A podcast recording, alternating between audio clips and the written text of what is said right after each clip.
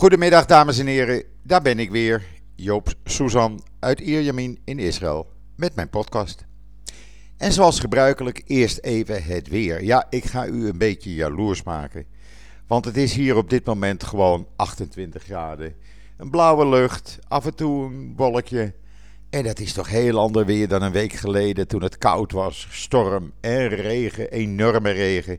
Maar ja, dat is Israël zelfs in de winter, zoals wij dit uh, seizoen noemen, uh, kan het wisselen. En dan heb je de ene dag regen en de andere dag zon. Het blijft zo deze week. Uh, tot eind van de week blijven de temperaturen gewoon lekker. rond de 25 tot 28 graden. S'nachts wordt het wel wat frisser. Dan is het zo een 16, 18 graden. En dat is dan wel koud. Dan heb ik een dikke trui aan als ik s'avonds met de hond loop.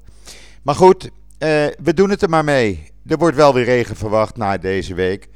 En uh, dan kan het meer van Tiberias, wat inmiddels al 2,5 centimeter gestegen is, kan weer lekker blijven stijgen. Ja, en dan, uh, wat hebben we in deze podcast? Nou, ik ga het natuurlijk uh, heel kort, heel kort met u hebben over de Amerikaanse presidentsverkiezingen en wat de gevolgen voor Israël zijn. de politiek in Israël, want het, het rommelt. Het rommelt alweer. Ook al uh, vanwege het coronavirus. En ik ga het met u hebben over het antisemitisme online. Uh, naar aanleiding van een uh, column gisteren van Bart Schut van het NIW. waar ik hopelijk donderdag met hem verder over ga praten. Maar in ieder geval, ja, er is, zoals het nu blijkt, een nieuwe president gekozen in Amerika. Joe Biden met Kamala Harris als vicepresident. En wat eh, gaat dat nou opleveren voor Israël? Nou, eigenlijk zegt men hier dat het niet veel verschil zal maken. Ja, de Palestijnen zullen misschien uh, weer uh, welkom zijn in het Witte Huis. Ze mogen waarschijnlijk hun consulaat weer openen in Washington. En ja, een twee-staten-oplossing die zal er waarschijnlijk, nou, aankomen wil ik niet zeggen. Maar men gaat het weer proberen. Alhoewel dat al vaker geprobeerd is en dat werkt dus gewoon niet. Uh, het is of uh, de Israëlische regering of de Palestijnen die dan weer dwars gaan liggen. We zullen zien, het Midden-Oosten is aan het veranderen. Dat is niet meer uh, te stoppen. hier in Israël, ja, de Trump-aanhangers, en dat zijn er toch heel veel, een royale meerderheid van de bevolking, die uh, kunnen het verlies van Trump nog niet verwerken. Die zeggen nee, wij wachten eerst alle rechtszaken af voordat wij uh, ons overgeven aan de gedachte dat Joe Biden de nieuwe president van Amerika wordt. ja, dan de politiek hier in Israël. Het rommelt. Het rommelt enorm. Er is afgelopen zondag een uh, gesprek geweest tussen Benny Gantz, de minister van Defensie, plaatsvervangend premier. Of uh, volgend jaar zou die moeten roleren met Netanyahu. Uh, en Naftali Bennett, de rechtse Yamina-partij. Ja, wat die bekonkeld hebben is er niet naar buiten gekomen. Althans, wat men vermoedt is het volgende. Er schijnt een soort van mag ik het noemen, coalitie in de maak te zijn in de Knesset van de oppositiepartijen. Eh, mogelijk dat Blue and White daar nu ook bij zit en Bennett. En eh, de linkse partijen en Lieberman. En die willen met hun allen gezamenlijk een motie van wantrouwen voorbereiden tegen de regering Netanyahu. Dan zal u natuurlijk zeggen, ja, maar Bennett of uh, Gans, die zit toch in de regering? Ja, dat klopt. Maar Gans heeft een aantal eisen gesteld. Die heeft gezegd: we moeten een begroting hebben. Nou, die is er niet. Begroting van volgend jaar is er ook niet. Er is een begrotingstekort wat tegen de 11% loopt en dat blijft maar stijgen. Uh, hij heeft een ultimatum gesteld en ook zijn collega van Buitenlandse Zaken en partijgenoot Gabi Askenazi heeft dat gedaan. En daarnaast uh, gelooft men niet dat Netanyahu zijn woord houdt en volgend jaar oktober gaat ruilen met Gans. Netanyahu heeft dat al met zoveel woorden laten blijken. Dus Men gaat de stekker eruit trekken. Men heeft gewacht tot de Amerikaanse verkiezingen voorbij waren en duidelijk is wie er de nieuwe president wordt. Trump gaat dus weg. Dat betekent dat Netanyahu niet meer kan zeggen: Mijn goede vriend Trump. En niet meer voor fotosessies naar het Witte Huis kan gaan. Uh, dat gaat allemaal niet door. Dat betekent dat er toch uh, ja, een verzwakking sprake is. Er was zaterdagavond een peiling op televisie op Channel 12. Waarin werd gevraagd wie acht je de beste premier voor Nederland, voor Israël. En wat blijkt, Bennett, Naftali Bennett, is tot op drie punten afstand al gestegen van Netanyahu. En het zal mij niet verbazen als hij hem voorbij gaat. Dan zult u vragen, ja, maar wat gaat er dan allemaal fout bij jullie? Nou, dat ga ik dan combineren met het coronavirusverhaal. Want wat gaat er hier nu fout? Ten eerste is uh, gisteren bekend geworden dat de adjunct-directeur-generaal van het ministerie van Volksgezondheid het bijltje erbij neergooit. Hij is de zoveelste in de rij, nummer 7. Uh, nog niet, dan spreek ik nog niet over de drie topfunctionarissen van het ministerie van Financiën die weg zijn gegaan in de afgelopen maanden. Uh, en waar geen vervanging voor is. En hij is dus de zevende topfunctionaris, uh, topgezondheidsexpert, die het ministerie van Volksgezondheid verlaat eind van het jaar. En waarom dan? Nou, het is heel simpel. Alle adviezen die door experts worden gegeven, worden door het coronaviruskabinet, dat zijn 7, 8 ministers onder leiding van Netanyahu, gewoon in de prullenbak gegooid. Daar wordt niets mee gedaan. Er is afgesproken dat wij hier een negen stappenplan zouden hebben. Om niet uh, het probleem te krijgen zoals dat na de eerste lockdown ontstond. Toen alles achter elkaar in twee weken tijd open ging. Nou, men is alweer van dat uh, negen stappenplan afgestapt. Men is toen naar zeven gegaan, toen naar zes. Nu zitten we op vijf en het lijkt erop dat we uiteindelijk op drie stappen eindigen. Nou, dat betekent, inmiddels is ook vanmorgen bekend geworden dat de R-waarde die op 0,6 stond, dat is uh, hoeveel mensen een ander persoon kunnen besmetten. Uh, het gemiddelde is 0,8, dat is goed. En die staat dus nu tegen de 1 aan. En die is in een paar dagen dus gestegen. En hij blijft stijgen, zeggen de experts. Wat dat betekent is, nu gisteren de straatwinkels zijn opengegaan. En tienduizenden mensen als een gek zijn gaan kopen. Uh, er zijn boetes uitgeschreven omdat men zich niet hield aan de 2 meter afstand. Omdat men met meer dan vier personen in een winkel was. Uh, ja, ga er maar vanuit dat het aantal besmettingen hier weer gaat oplopen. En zoals de meeste experts, en ik ben, er geen, ik ben geen expert, ik zeg alleen maar wat ik op uh, tv hoor en in het nieuws lees. De meeste experts in Israël zeggen: als het zo doorgaat, zitten we eind december in de derde lockdown. En dat neemt men Netanyahu kwalijk. En wat men hem ook kwalijk neemt, al die bedrijven die we nu dagelijks al weken, al maanden op tv zien, al die eigenaren die hun bedrijf zijn kwijtgeraakt en die gezegd hebben: luister, wij moesten dicht, we hebben een toezegging gekregen voor uh, geld van de overheid, steun van de overheid, dat we geen Arnona, dat is een soort erfpacht, gemeentebelastingen hoeven te betalen. Er is niets van terechtgekomen. Er zijn een klein aantal bedrijven die wel iets hebben gehad, maar ook niet de volle map. En dat neemt men dus de regering kwalijk. En ik kan die ondernemers geen ongelijk geven. Als je hard voor je, voor je brood vecht, als je met je vrouw samen al 30, 40 jaar of langer een winkel in kleding of speelgoed of fornituren uh, runt. Ja, en je ziet dat dan kapot gaan. Uh, omdat je gedwongen moet sluiten vanwege het coronavirus. Nou, dat is dan te accepteren. Maar dat je dan de beloofde financiële toezeggingen niet krijgt. Ja, dat is natuurlijk, uh, dat is natuurlijk heel erg. En uh, ja, ik, ik kijk daar altijd met pijn in mijn hart naar elke avond. Ik vind dat zo triest. Ik vind dat zo erg voor deze mensen. En er zijn dus gewoon tienduizenden winkels gisteren niet open gegaan. Uh, er waren ook demonstraties gisteravond bij winkelcentra, on, onoverdekte winkelcentra. Want die zeggen: luister, eh, wij zijn ook straatwinkels. We zitten niet in een overdekt gebouw. We zitten aan een groot parkeerterrein. Wij willen ook open. Nee, zegt de regering.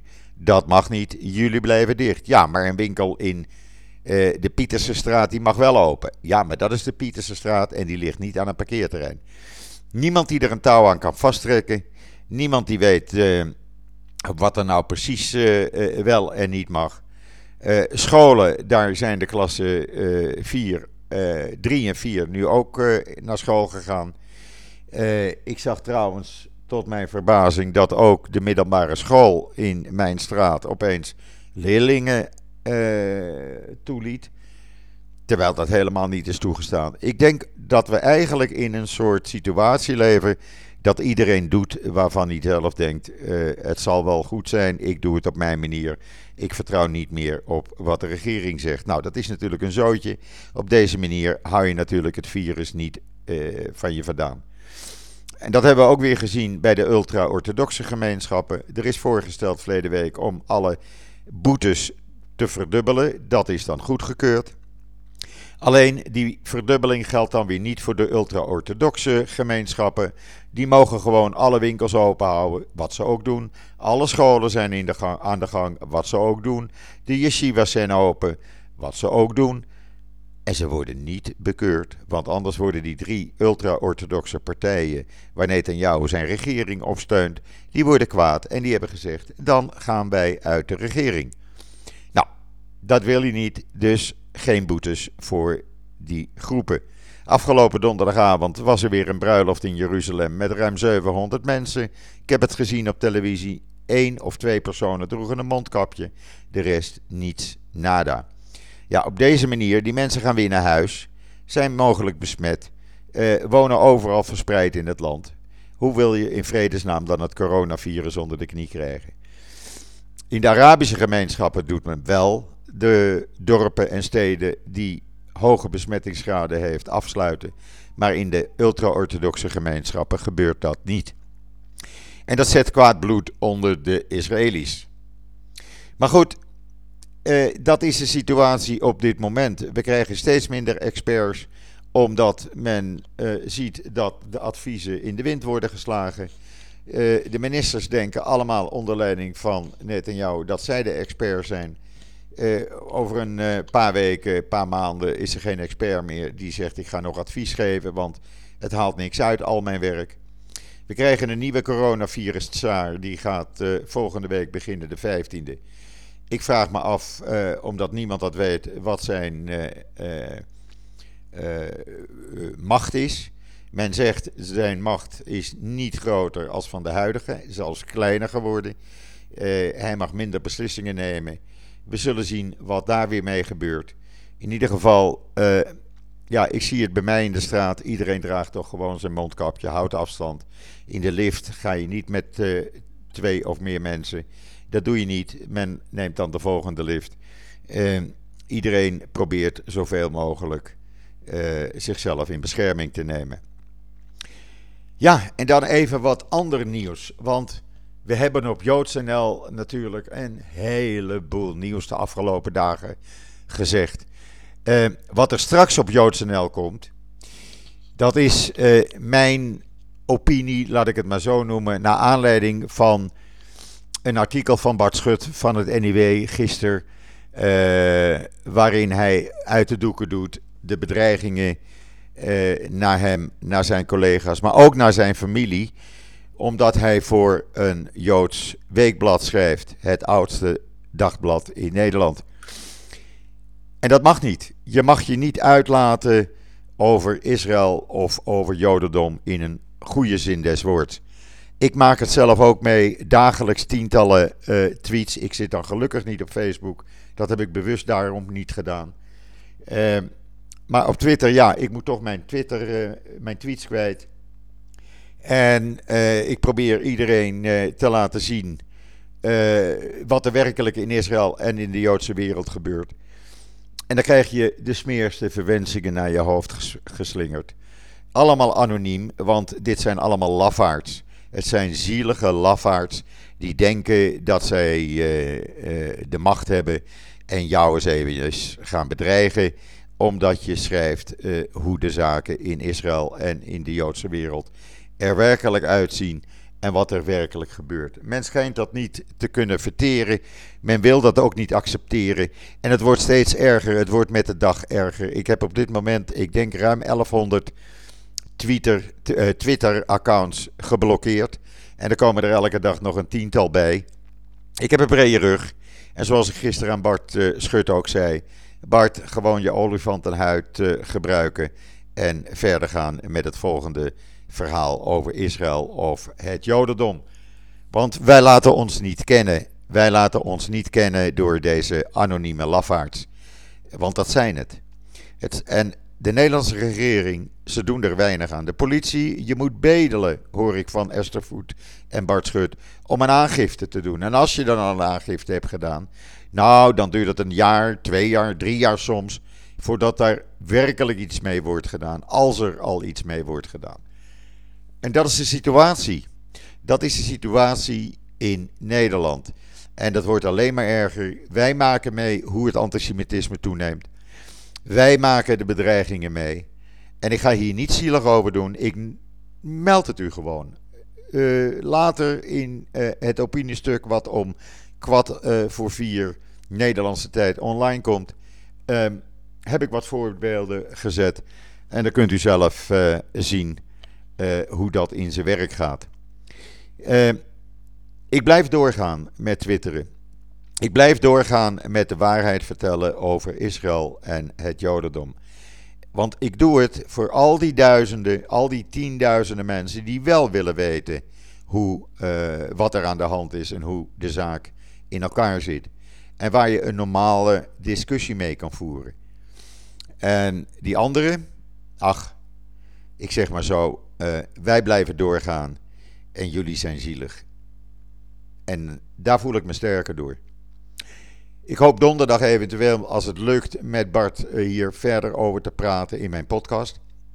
Uh, ik weet niet of hij tijd heeft, hij zou me dat nog laten weten. Maar dat merkt u vanzelf donderdag wel. En dan even het volgende. We hebben op JoodsNL uh, sinds kort veel berichten van de Nederlandse ambassade. de, de Israëlische ambassade, sorry. Israëlische ambassade in Nederland. We krijgen de podcast van de ambassadeur nu door. Die kunt u dus op JoodsNL nu beluisteren.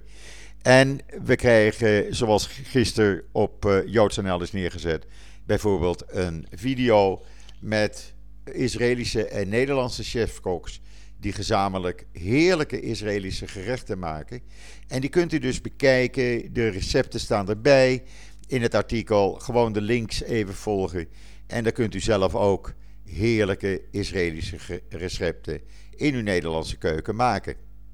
Dan is het vandaag Kristalnacht. Vanavond is die herdenking. In 1938 begonnen de nazi's de Joodse bedrijven eh, kapot te slaan, de Joodse winkels te vernielen. En de presidenten van Israël, Duitsland en Oostenrijk, die roepen in een gezamenlijke uh, video roepen zij op iedereen om het antisemitisme te bestrijden. Ik vind het zelf een aangrijpende video. U kunt het zien op joods.nl. Trouwens, vanavond om 5 uur Nederlandse tijd. Als het allemaal lukt, kunt u live de herdenkingsbijeenkomst van deze presidenten van Israël, Duitsland en Oostenrijk live op joods.nl gaan volgen. Dus hou de tijd 5 uur even in de gaten. En dan heeft er gisteravond, of gisteren eind van de middag, de eerste vlucht met Israëlische toeristen vanuit Israël naar Dubai plaatsgevonden. Het is nog niet de eerste officiële vlucht, die is 26 november. Maar dit was toch een toestel van Fly Dubai, wat leeg uit uh, Dubai kwam en 170 zakenlui en toeristen uit Israël heeft opgehaald. Die daar nu heerlijk uh, in Dubai aan uh, vakantie vieren en zaken doen bezig zijn. Israël die begint met charters eind van de maand. En dan kan je met deze Israëlische chartermaatschappij voor 445 dollar, dat is pak een beet 400 euro's, een retourvlucht en drie overnachtingen in uh, een vijf sterren Hilton Hotel of een van die andere luxueuze hotels uh, kan je krijgen.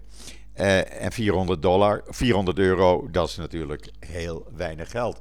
En ik denk ook dat als de coronavirus een beetje onder de knie is in de loop van volgend jaar, dan zult u zien, en men bereidt zich daarop voor, dat er honderdduizenden, honderdduizenden uh, Israëli's in plaats van naar Turkije nu naar Dubai en uh, Abu Dhabi gaan.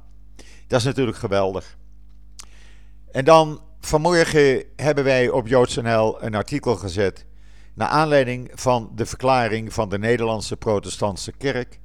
Die gisteren in een toespraak in de Raf Aaron Soester synagoge in Amsterdam. schuld bekende aan de Joodse gemeenschap. Voor haar handelen voor, tijdens en na de Tweede Wereldoorlog. Uh, het hele, de hele verklaring staat op joods.nl met een link die u ook kunt downloaden, waar de volledige verklaring met alle bijlagen te downloaden of in te zien is. Uh, het staat op joods.nl. Uh, mocht het u interesseren, ik zou zeggen, ga even naar dat artikel toe. Ja, en dan de Palestijnen hadden weer wat nieuws bedacht. Ja, ze leren het niet af. De man die het bloedbad van de Olympische Spelen in München had georganiseerd, die heeft een ereboog gekregen bij een universiteit in uh, de Palestijnse gebieden, de Polo Technische Universiteit. En uh, ja, men is heel blij dat men dit heeft kunnen doen voor deze terrorist van de terreurorganisatie Black September, die elf Israëlische uh, atleten vermoordde. En dat gebeurt allemaal onder het toeziend, toeziend oog van de zogenaamde president, die in 2006 voor vier jaar is gekozen, Mahmoud Abbas. U kunt het verhaal lezen op joods.nl. En dan zie ik tot mijn verbazing dat we alweer een end richting de half uur komen. En u weet, eh, dat is de limit als ik geen gast heb. Uh, dus ja, uh, vanmiddag dus de live-uitzending op joods.nl uh, over de herdenking van de Kristalnacht met de presidenten van Israël, Oostenrijk en Duitsland. Vijf uur is dat. Dan wens ik u nog een hele fijne voortzetting van deze maandag, de 9e november, een bijzondere 9 november Kristalnacht. Wat mij betreft, ik ben er donderdag weer. En ik zeg zoals altijd: tot ziens, tot donderdag.